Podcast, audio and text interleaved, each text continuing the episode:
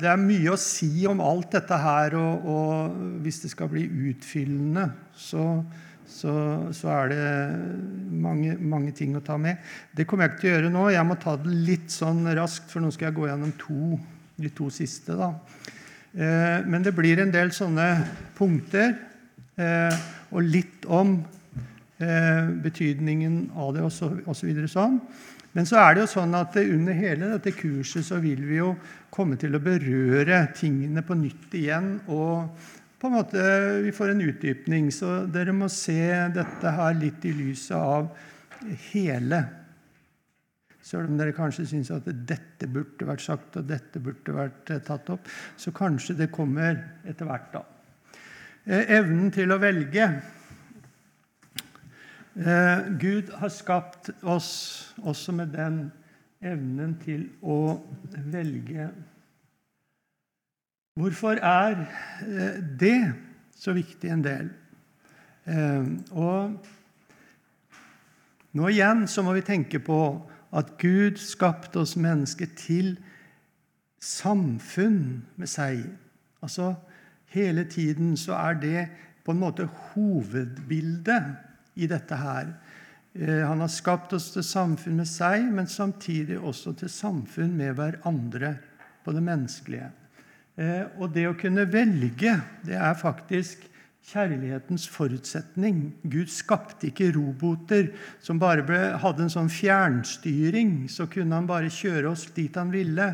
Men det var altså dette her at det, det skulle være et forhold i kjærlighet og skal det være et forhold i kjærlighet, så må det være sånn at jeg vil dit og ikke dit. Jeg vil han og ikke noe annet. Jeg vil Gud. Ikke sant? Hvis det hadde vært sånn at det bare hadde vært en slags automatikk i dette her, ingen kjærlighetsforhold, så hadde det heller ikke vært noe som helst som hadde med samfunn å gjøre. Men sånn er vi skapt. Eh, og så er det jo sånn at muligheten til å velge, det betyr jo også frihet. Igjen det at det er ikke bare lagt opp et spor som vi, Gud kjører oss igjennom, men det er altså sånn at det, vi hele tiden kan velge mellom forskjellige muligheter på eh, det planet som eh, vi snakker om nå. Vi snakker jo om den trellbundne vilje. I forhold til synden så er det ikke sånn eh, I forhold til det onde på, det, på, på, dette dype plan så er det ikke sånn. Eh, Paulus skriver om det i Romer 7 at eh, her står jeg fullstendig låst og fast, og jeg har ikke noen frihet til å velge bare det gode gjøre. Jeg kan ikke gjøre det jeg vil, sier Paulus der. Men når jeg skulle hit, så kunne jeg velge mellom flere muligheter. Jeg kunne kjøre bil, jeg kunne, kunne kjøre buss, jeg kunne kjøre tog. Og så valgte jeg tog, fordi at eh, nå er jeg blitt pensjonist, og da kjører jeg veldig billig på toget. Så det er flere muligheter, og vi har altså fått den evnen og muligheten til å kunne velge. Og Det er jo sånn at livet vårt det er fullt av valg. Vi skal hele tiden Vi står overfor ting. Ja, skal jeg den veien, eller skal jeg den veien? Eh, vi må velge. Og Nå er det jo sånn at vi fremfor alt har noe som hjelper oss, og virkelig kan bety noe helt vesentlig for oss i livet. Ditt ord er en lykt for min fot og en lys på min sti. Vi har noe å holde oss til. Det vi velger, det får jo konsekvenser for både oss selv og andre mennesker. Det kan få gode eh, konsekvenser. Det kan få gjøre at livet vårt får en god retning, men det kan også føre til det motsatte. Det finnes små og store valg. Noen har store konsekvenser for oss. Jesus sier, 'Søk først Guds rike og Hans rettferdighet.' Det er et valg. Og det betyr jo at vi velger først å ta hensyn til vårt åndelige liv. At det er det som først får vår tid, altså at det får vår beste tid. At det får våre øyne, våre ører. Søk først, sier Jesus. Så skal du få. Og da bruker Jesus det som noe som også følger med. Det som hører livet til med det materielle. Mat og klær og de tingene som er nødvendige for oss. Altså Det er noe som skal følge med. Og så ligger det i dette her at det er noe som også får sin plass i livet vårt på en rett måte og en rett mengde, kan vi si. Velger vi det andre, altså disse andre tingene først, så mister vi det første. Eh, altså, vi står overfor valg. Og det at vi har evnen til å velge det, gjør at vi også har et ansvar. Det er viktig å få frem. Og det er noe som hører med også i sjelesorgen. At vi står, vi møter mennesker, og vi skal fortelle dem du har et ansvar. Du, har, eh, du, står, du, du eh, kan velge, altså. Og Derfor så har vi også et ansvar. Det vi velger å gjøre, avslører noe om vårt tankeliv. Selvfølgelig gjør det det. Hvis vi tenker at penger er det viktigste i livet, så velger vi også ut fra den eh, tankegangen og forutsetningen. Gode tanker gir gode valg. Så vi, er vi liksom inne på hvordan tanker og valg påvirker hverandre veldig. Ja, Gode valg for livet. Jobb. La oss velge det som er rett. La oss sammen søke å finne ut det som er godt. Og Dermed så ligger det noe i dette her. Altså, Vi velger noe, og så vel, fører det til at vi faktisk også gjør noe aktivt for å komme dit. Så for å nå det. Det ligger i dette her. La oss søke, la oss jobbe, arbeide, gjøre noe nettopp for dette her. Sånn er det jo også med de gode valgene for vårt åndelige liv. Ett er nødvendig, sier Jesus til Maria. Hun valgte den gode del, som ikke skal tas fra henne. Sånn er det også når det gjelder å velge i forhold til Eh, livsførsel, handlinger. Og Her har jeg lyst til å ta frem det som Paulus skriver i Kolossebrevet. Eh, jeg tar det sånn eh, dere, kan heller lese de, versene seinere. Det som er poenget her, det er det at Paulus skriver til disse kristne og Det jeg vil ha fram nå, det er det at eh, i møte med mennesker i sjelesorg så møter vi jo ikke bare verdslige mennesker, men vi møter kristne mennesker som lever med Gud i Jesus Kristus. Og Det er jo disse han skriver til her. Og da er det altså at han bruker disse uttrykkene Så død da deres jordiske lemmer ja, Hva mener han med det? Jo, da mener han altså hender og føtter og øyne og ører som gjør synd. Og så nevner han utukt, urenhet. Og så kommer mange av disse syndene, altså jordiske lemmer. Eh, det er nettopp det syndige handlinger. At vi bruker eh, eh, lemmene våre til å gjøre synd. Og da sier han en formaning til nettopp dette her, og døde dette her. Og ja. Altså, det er jo mange som reagerer på det og tenker at vi kan jo ikke gjøre noe. Ja, ikke sant? Da har du det. Men, men det, Bibelen forutsetter et gjenfødt sinn. Ja. Og det er også slik at Når det står 'søk først Guds rike', så forutsetter den at på en måte selve evangeliet bærer med seg det som skaper viljen. Eh, og Derfor er det slik at det er et valg. Det betyr ikke at det er gjort av egen fornuftig kraft, men det er noe som Guds hellige ånd er med i og skaper det vilje, siden Gud gjør det uvillig av en vilje.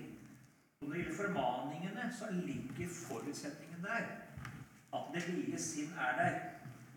Eh, og, og, og, hvis du fornekter det, så fornekter du gjenfødelsen. Du fornekter altså det er noe å være født på ny av Gud.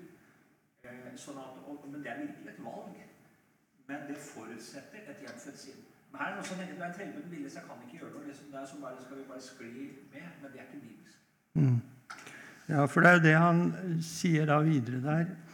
Dere har jo avkledd dere det gamle mennesket med dets lyster og begjæringer.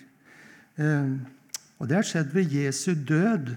Altså, vi er døde med Jesus. Eh, når, eh, Jesus sier 'Den som eter mitt kjød og drikker mitt blod, han blir i meg, og jeg i han', sier Jesus.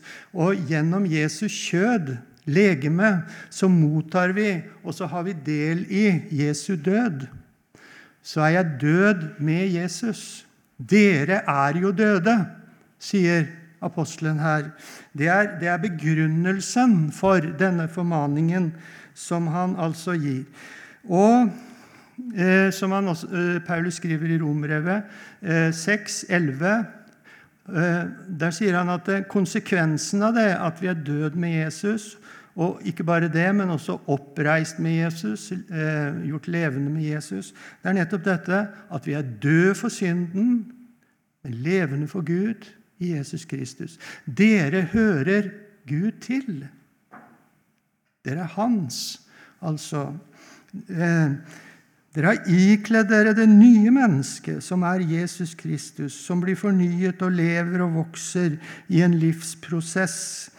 Det kan fornyes til kunnskap etter sin skapers bilde. Det er sånne uttrykk som, som man bruker der. Og i dette så ligger det altså at en kristen som lever i Jesus, er i Han, har en frihet til å velge.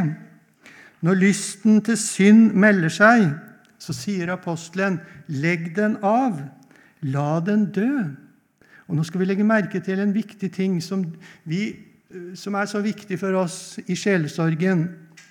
For her er det så utrolig mange muligheter til å kjøre seg aldeles fast og gå aldeles vill.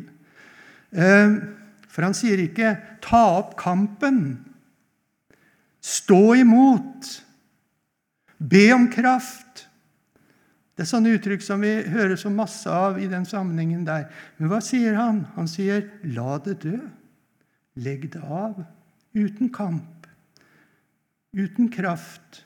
Fordi det er jo noe som er skjedd i Jesus Kristus, som er hele årsaken til dette her. Eh, frigjort fra å være trell under synden til å høre Jesus til. Altså Avlegg løgnen og tal sannhet. Det er sånne formaninger som vi bruker. Og det betyr vi står altså overfor et valg på dette området her. Og Det er noe som vi skal holde fram for hverandre. dette her. Vi har et ansvar i forhold til dette her. Vi møter så mye av det i kristne sammenhenger nå at, at her har vi ikke noe valg. Ikke sant? Nei, når synden melder seg, så da er det ingen annen mulighet. Da må jeg bare følge med. Får jeg lyst til å lyve, så lyver jeg.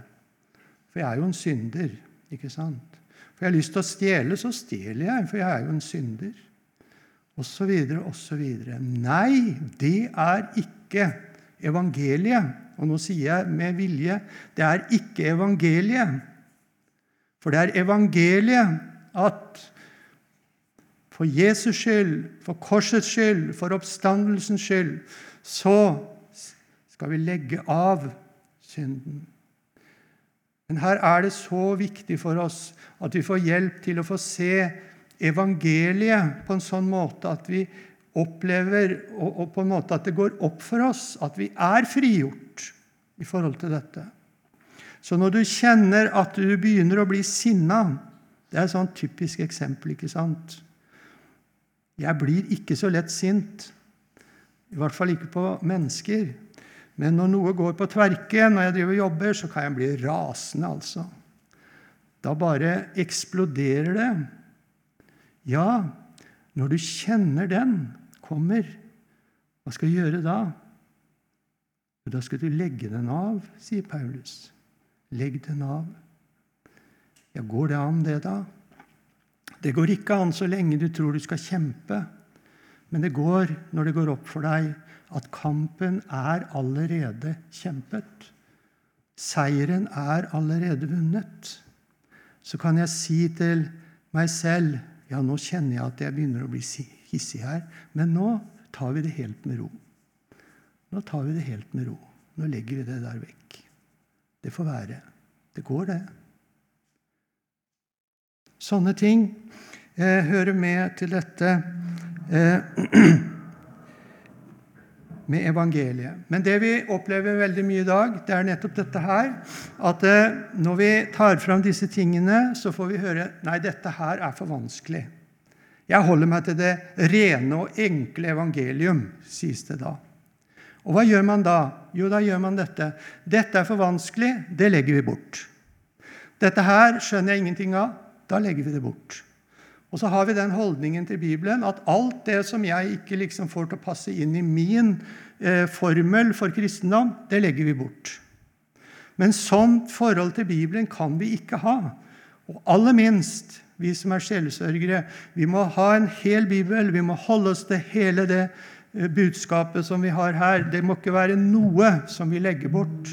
Men det betyr jo også at vi må finne løsningen i dette. Hvordan kan dette være sånn som Paulus skriver?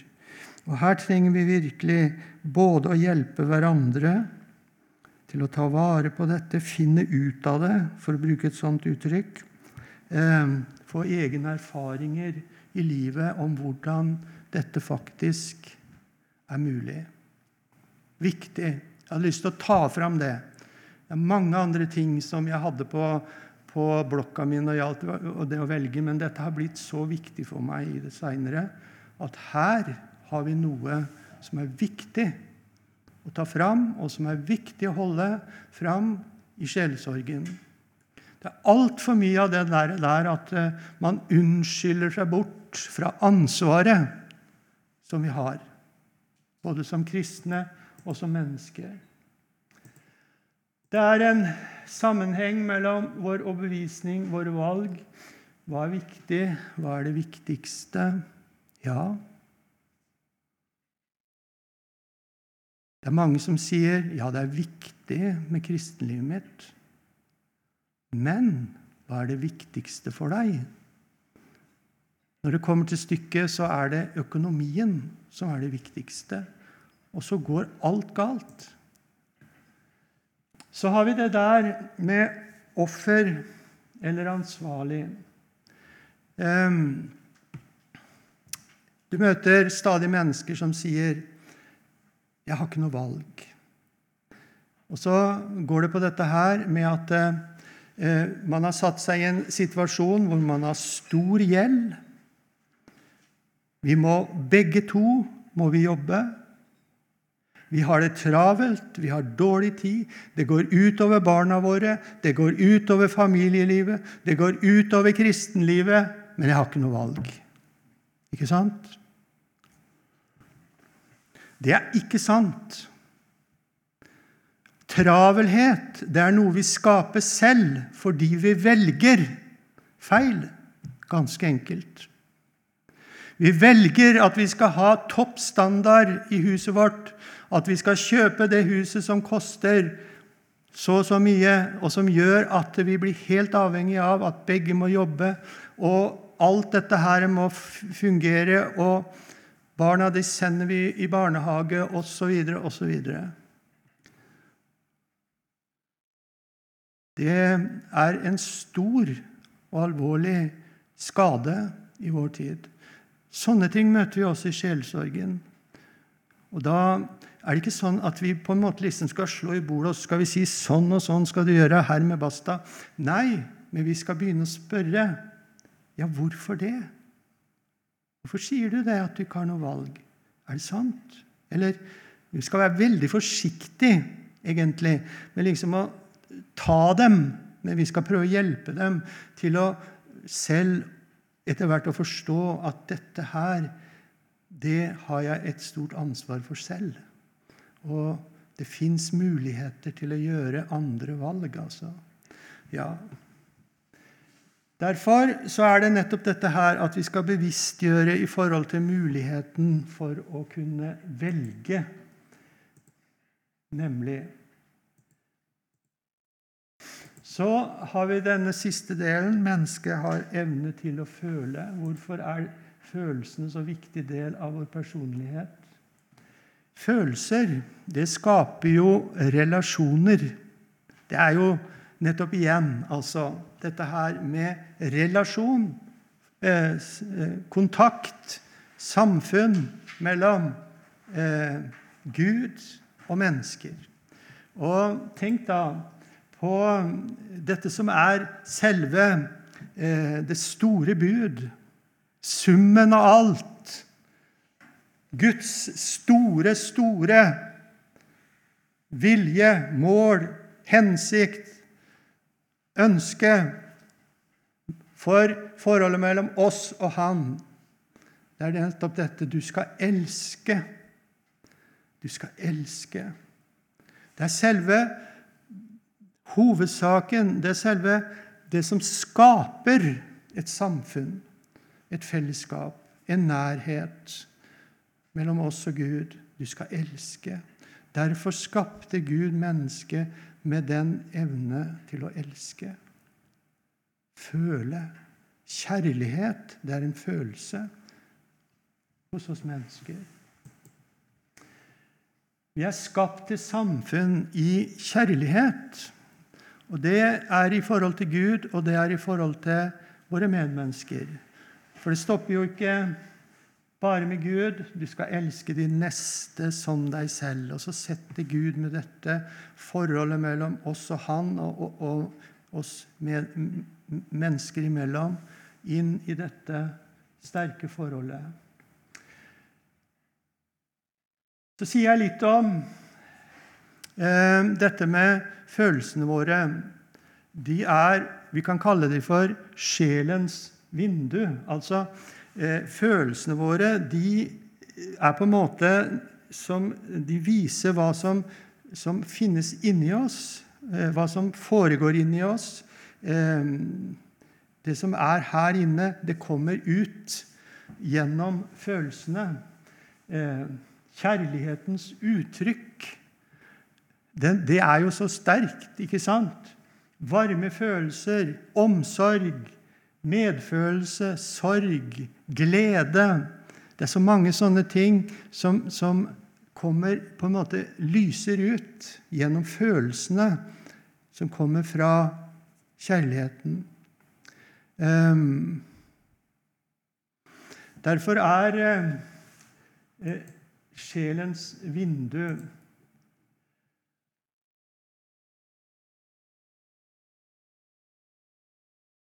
Nå er det sånn at eh, Vi kan tenke at eh, noen følelser er bra, eh, noen er dårlige. Eller det er noen følelser jeg vil ha, og så er det noen følelser jeg ikke vil ha. Ikke sant? Kos deg, sier vi. Det er liksom blitt en sånn sjanger i vår tid. Når vi skal si et eller annet Noen skal ut på jobb eller sånn. Kos deg. Ja, det er deilige følelser. ikke sant? Det er viktig. Det vil vi ha. Men hva med de vonde følelsene? Smerte. Også det er en del av det å være menneske. Og da er det sånn at eh, vi, vi skal ikke på en måte forsøke å trykke de ned eller fortrenge de eller, eller fornekte de. Men det er så viktig for oss å gi rom for også det. Eh, disse vonde følelsene, smerten, slippe den fram. Så er det også sånn at eh, følelsene våre det er som et varslingssystem som gir beskjed når noe er feil i livet vårt. Det er akkurat som ei varsellampe. Du vet det når du sitter og kjører eh, traktor. Så begynner ei rød lampe å blinke. Det er oljetrykksmåleren. Da sier den ifra. Nå er det noe feil. Nå er det noe alvorlig feil. Du har ikke trykk på olja lenger. Hva skal du gjøre da? Er det bare å gire ned, og så gir vi bånn gass? Så går det videre. Da skjærer det seg. Nei, denne varsellampa sier ifra nå må du stoppe. Nå er det viktig at du stopper. Nå er det viktig at eh, vi finner ut hva er det som er galt.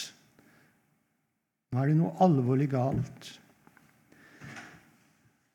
For noen år siden så jobba jeg på Skiptvet mølle. Og I kornsesongen så var det fryktelig hektisk. Altså, Jeg jobba fra klokka 11 om kvelden til 8 om morgenen. Det var et kjør hele tida. Alltid så var du litt på hælene. Og kundene var litt sånn misfornøyde fordi det at du måtte vente den der time, timen deres den ble litt forskyvet. Et voldsomt sånt kjør og mas. Og så hadde jeg fri fra åtte til fem på ettermiddagen. Og så var det på'n igjen, og da skulle jeg rense korn. Så da var det også et forferdelig kjør. For alle skulle ha kornet sitt i går, for de skulle jo så. Så kom jeg hjem om morgenen etter at jeg hadde vært på jobb klokka åtte, eh, klokka åtte. Så lå hunden min på trappa. Jeg hadde en sånn fin golden retriever. Jeg sparka til den og skrek 'Pell deg vekk, de fillebikkje!' Jeg var så til de grader hissig fullstendig ute av kontroll. Hvorfor det? Altså, Da er følelsene ei varsellampe som sier ifra nå er det noe alvorlig galt, Sigbjørn. Nå må du stoppe. Ja, hva var det som var galt? Jo, jeg hadde kjørt meg altfor hardt. Det var helt feil å holde på sånn som jeg drev på da. Og Sånn kan det være med så mange ting. Det var bare ett eksempel. Men du opplever det, du også, i livet ditt. Travelhet, det er fryktelig usunt. Og så opplever du at du blir irritabel, du kan bli gretten. Mange sånne ting. Følelsene dine sier ifra at nå er det noe feil. Nå er det noe galt. Det er noe som vi må få gjort noe med. Den, det er veldig viktig derfor så, så skal vi hele tiden være oppmerksomme på følelsene. To motsatte følelser og deres følger. Vi kan snakke om behagelige og ubehagelige følelser. Og da er det jo sånn at jo, behagelige, eh, det, det vil vi gjerne ha. Så den huker vi av. Men disse ubehagelige følelsene dem vil vi ikke ha. Og så definerer vi kanskje følelsene bare sånn. Det blir liksom en norm. Gode, dårlige, behagelige, ubehagelige følelser. Og det eh, gode, det er jo glede, trygghet, tilfredshet. Dårlige, ubehagelige følelser, sorg, smerte, angst, skam. Og så blir det sånn det ene må vi få bort, komme vekk fra det andre vil vi gjerne ha. Nei, vi skal heller tenke Det finnes konstruktive og destruktive følelser. Behagelige følelser kan være både konstruktive eller destruktive. Sånn kan det være også med ubehagelige følelser. Eh, de konstruktive følelsene det er egentlig alle de som er byggende, verdifulle for oss. Ikke minst i kristenlivet vårt. Og da er det jo ikke sånn at det, sorg, skam, smerte behøver å være noe som er destruktivt. På ingen måte. Syndenød, sorg over livet mitt fordi at det, det er så mange ting som ikke er godt, som skulle ønske hadde vært annerledes. Sånne ting. Det kan være bra, det, når det faktisk sier noe om det som er virkelig og sant. Og Når det får lov til å føre oss til, til Jesus, at vi kan få bekjenne, at vi kan få søke Han på grunn av disse tingene, søke Han for at det, det kan bli endring også i livet vårt, så er det gode, verdifulle, byggende ting. Mens destruktive, skadelige, nedbrytende ting, det er jo nettopp slike ting som fører til at eh, det går galt i livet vårt. Og da har jeg lyst til å nevne eh, ting som er et hinder for vårt gudsforhold og relasjon til andre mennesker. Det kan være at vi er misfornøyde, at vi er likeglad, at vi har ulyst til andre mennesker, at vi er irriterte.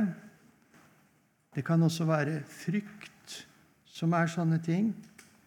Um, men ikke bare det. Det kan også være lykke, glede, trygghet som gjør oss selvsikre, overpå, arrogante og nedlatende i forhold til andre mennesker og i forhold til Gud. Så dette her med følelsene våre eh, Vi trenger både de følelsene som gjør vondt, og de som oppleves gode. Når det får virke eh, Det er ikke noe selvfølge i forhold til eh, dette her med behagelige og ubehagelige. Det er ikke en sånn konsekvens på at det, det bare er det behagelige som virker bra.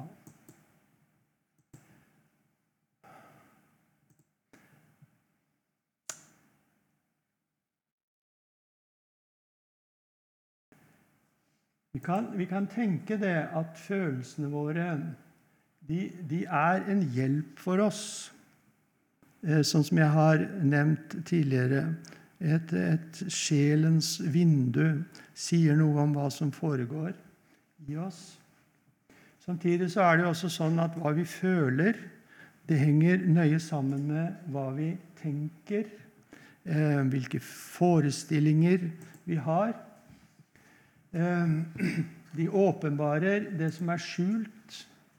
Eh, men de kan også hjelpe oss til å vokse som kristne, fordi at eh, som kristne så er det jo sånn at eh, vi skal ikke være følelsesstyrte. Det er jo veldig mye av det i vår tid at, eh, at man tenker at det er følelsene som er på en måte normen for oss. Hvis du spør om noen ting, så svares det 'Jeg føler det, og jeg føler sånn'. Ikke sant? Det er ikke sikkert at det, det behøver ikke å være liksom helt sånn eh, fast. Men uh, vi, det er ikke følelsene våre som skal styre uh, livet vårt. Men det er det som på en måte er en rett og sann overbevisning, tankene, forstanden, eh, Guds ord. Og Det betyr at en kristen må eh, enkelte ganger gå mot sine følelser. Det hører med til kristenlivet. å gjøre det du ikke har lyst til. Gjøre det som føles vondt. Eh, faktisk så må du noen ganger gjøre det akkurat det du ikke har lyst til, for å gjøre det som er rett. Ikke sant? For det handler om å gjøre det rette, ikke det jeg føler for. Veldig mange sammenhenger. For mange år siden skulle jeg ut på prekentur. Og så blei det sånn at uh, Irene sa et eller annet som jeg blei så utrolig sur for. Det satte seg skikkelig fast. Og hva skjer da? For det første så sa jeg ingenting. Jeg ble helt stum. Og For det andre så går du der så sur som bare den, og helst ikke vil du se på eh, den andre, kona mi.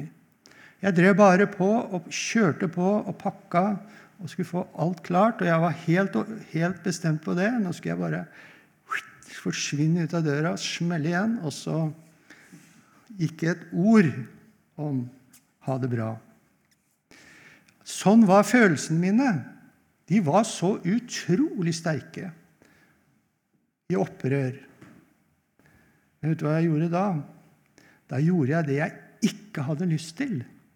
Og Så gikk jeg bort til henne og så tok jeg og slo armene rundt henne, og så sa jeg, ga jeg henne en god klem, og så sa jeg nå må du tilgi meg at jeg har vært sånn. Det er sånn det er her i livet. Det er så viktig at vi gjør det som vi vet er rett, selv om vi føler det motsatte. Det er så viktig så må vi gå og be om tilgivelse. Det føler vi veldig ofte at vi ikke har lyst til. Ikke sant? Vi må gå og snakke med naboen fordi at vi gjorde noe som vi veit ikke var rett, og som vi veit at han syns var vondt. Men så liker vi ikke den naboen. Vi syns at han har gjort så mye mot oss også. Så vil vi ikke, og så føler vi det ikke sånn. Men da skal vi gjøre det allikevel. Vi skal gjøre det vi ikke har lyst til. Følelsene våre de kan være veldig på lag med oss, men de kan også være veldig det motsatte. Det er ikke følelsene som skal styre. Så er det mange ting eh, som kunne sies om dette med følelsene. Hvordan følelsene påvirker oss Eh, på så mange måter. Eh, og hvordan det påvirker helsa vår eh, på så mange måter. Men det får vi heller ta litt seinere. Da har vi mulighet til å komme litt inn på flere forskjellige ting om det. Så da er det noen spørsmål eller kommentarer eller noen sånne ting nå? For nå er det litt tid til å være kvart på.